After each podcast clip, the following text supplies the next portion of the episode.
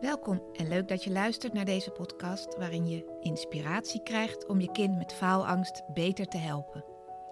Mijn naam is Mariette Diets en samen zorgen we ervoor dat jouw kind een fijnere schooltijd krijgt. Dit is de Pubers met Faalangst podcast. Leuk dat je er weer bij bent.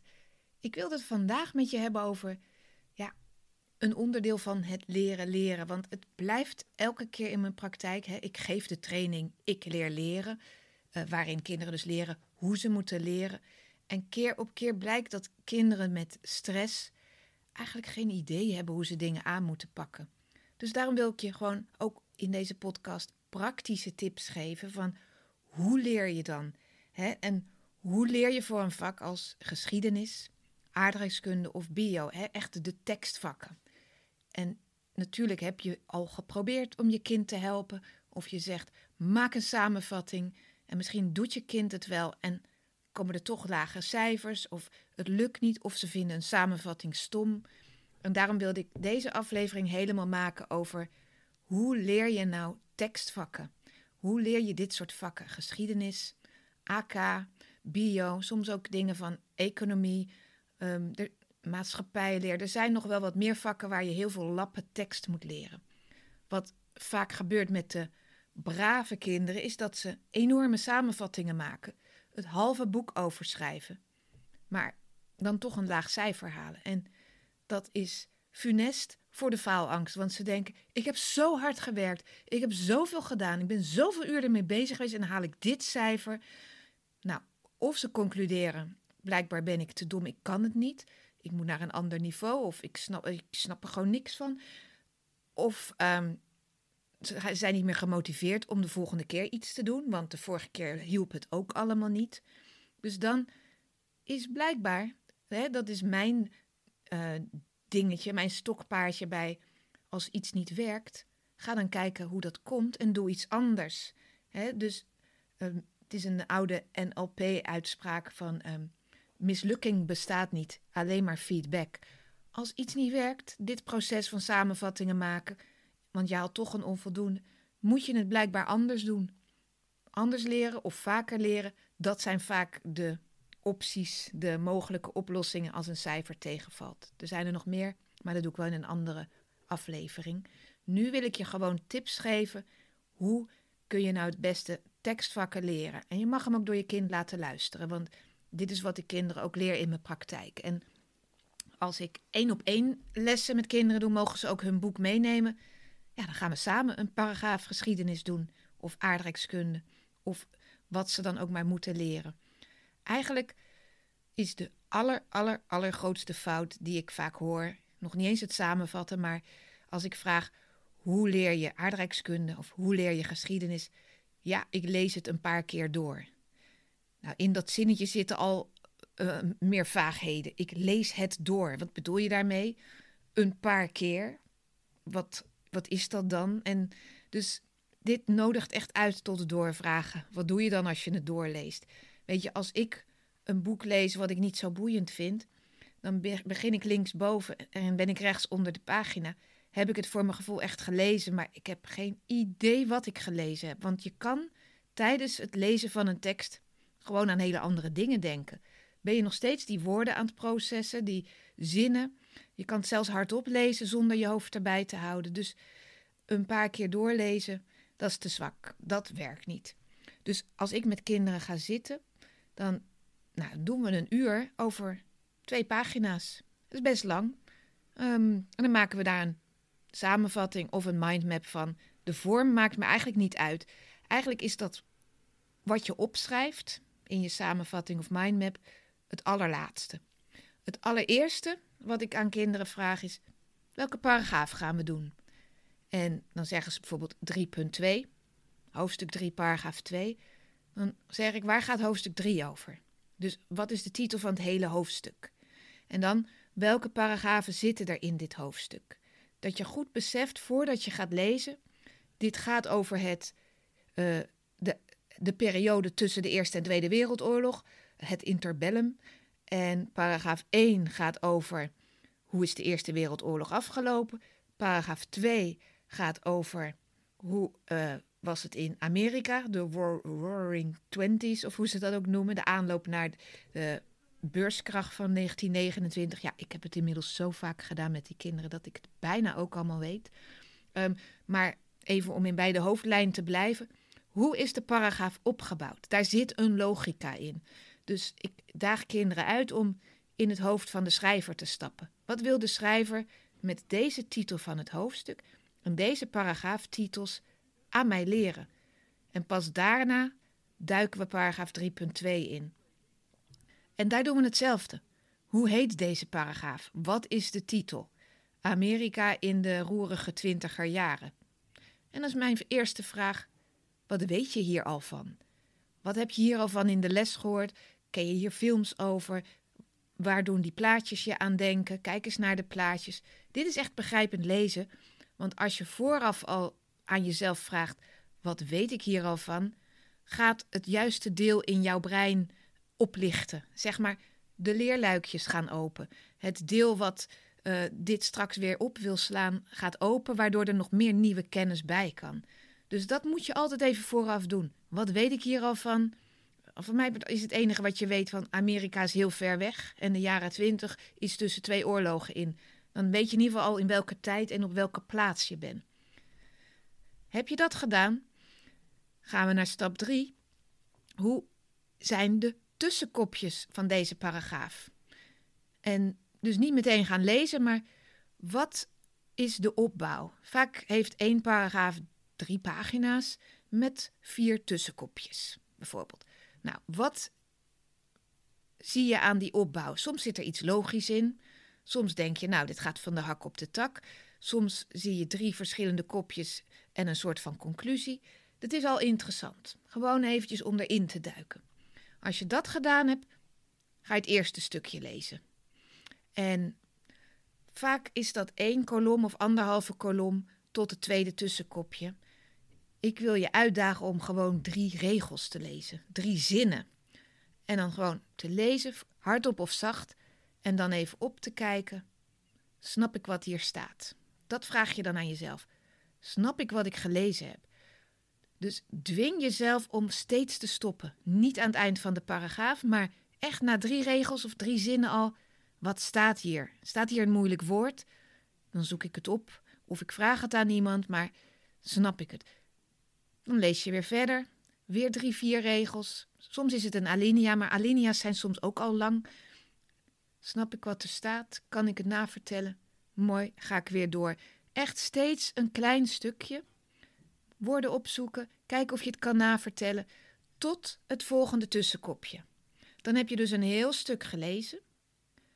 En dan check ik, check ik, kun je dit nog navertellen? Wat staat er nou in dit eerste tussenkopje? Nou, vaak begint het met een voorbeeld of een anekdote of een inleiding. Daarna gaan ze iets vertellen en daarna komt er nog een voorbeeld bij. Dus Vertel eens wat er nou staat en wat, wat denk je wat hier nou belangrijk aan is? Wat moet je hiervan nou weten bij een toets? Nou, en dan, omdat je het net gelezen hebt, met heel veel aandacht, kan je dat nog punt voor punt vertellen.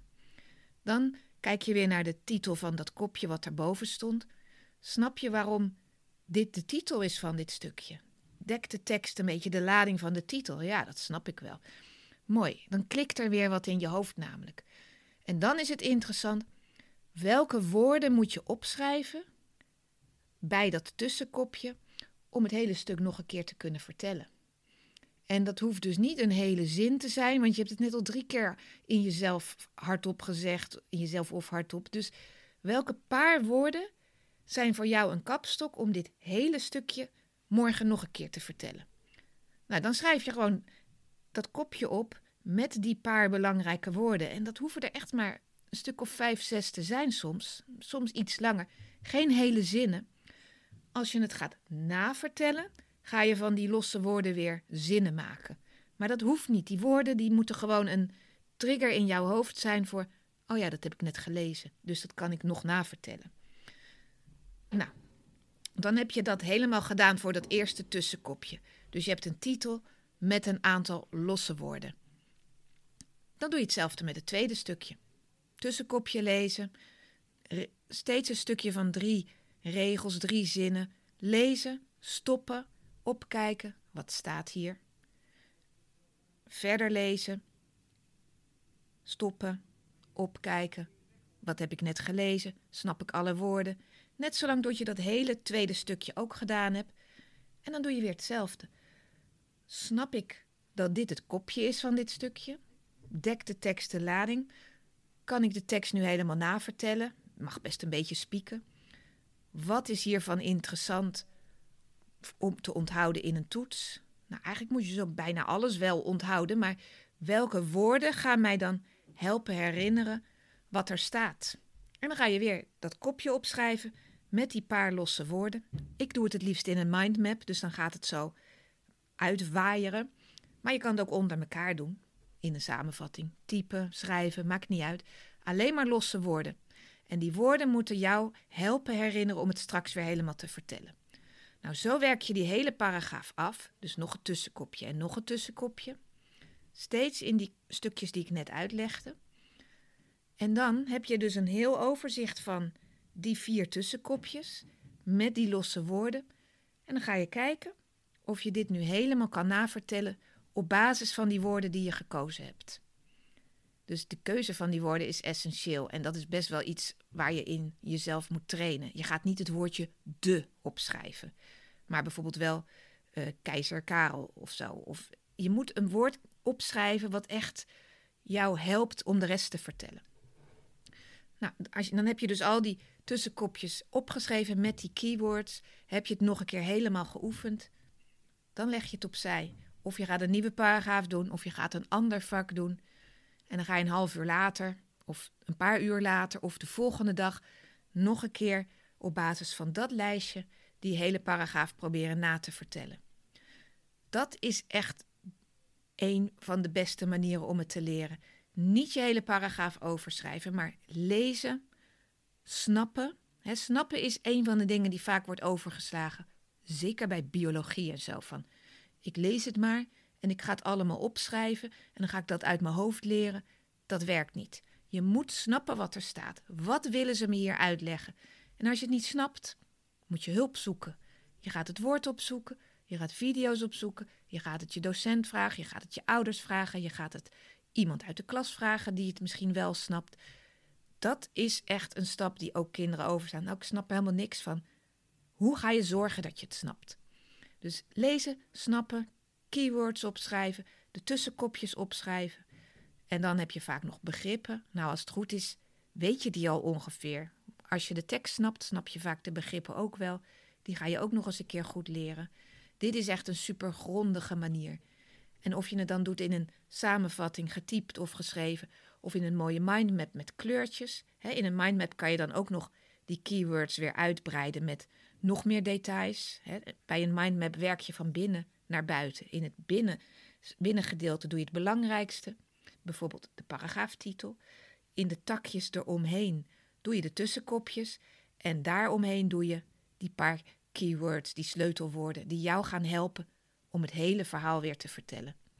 Als ik het op deze manier met een leerling doe hier in de praktijk, dan zeggen ze echt daarna van: Wow, het kost wel tijd, maar nu kan ik het gewoon.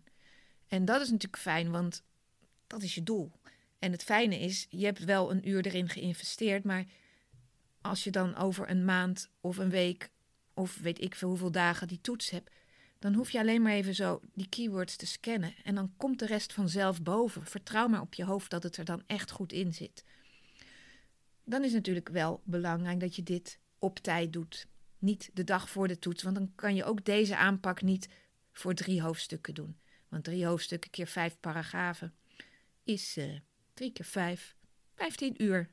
Nou, dat heb je niet de dag voor de toets. Dus dit is iets wat je in de aanloop naar een toets doet en liefst op de momenten dat je over die paragraaf huiswerk hebt. Hoe het in de praktijk gaat, weet ik ook wel. Je hebt huiswerk, opdrachten maken, je zoekt het even in de tekst, je scant de tekst en je zoekt het antwoord en je huiswerk is klaar. Als je de discipline op kan brengen om op dat moment al heel goed die paragraaf te lezen, de keywords op te schrijven, dan bespaar je jezelf zoveel stress over een paar weken dat het echt de moeite waard is om dat erbij te gaan doen. En dat gaat je dus ook een hoop stress schelen bij het leren van de toets. En het gaat je heel veel opleveren in je cijfer, waardoor je de volgende keer nog meer motivatie hebt om het op een betere manier aan te pakken. Nou, dat was het voor vandaag. Als je nog vragen hebt, mag je me altijd een mailtje sturen, berichtje sturen. Vind ik leuk. En uh, tot de volgende keer. Bedankt weer voor het luisteren naar de Pubers met Faalangst podcast. Wil je met mij sparren over jullie situatie? Kun je altijd een gratis kennismakingsgesprek inplannen via www.dietscoaching.nl. Vind je deze podcast interessant? Abonneer je dan en geef hem een goede review. Dat helpt mij enorm om nog meer ouders te bereiken.